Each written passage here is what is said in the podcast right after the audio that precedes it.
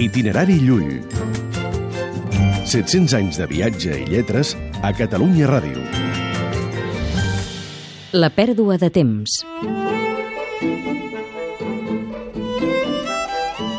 Al començament de la seva doctrina pueril, Ramon Llull deplorava la pèrdua de temps. Déu vol que fem les coses amb diligència i que treballem per servir-lo.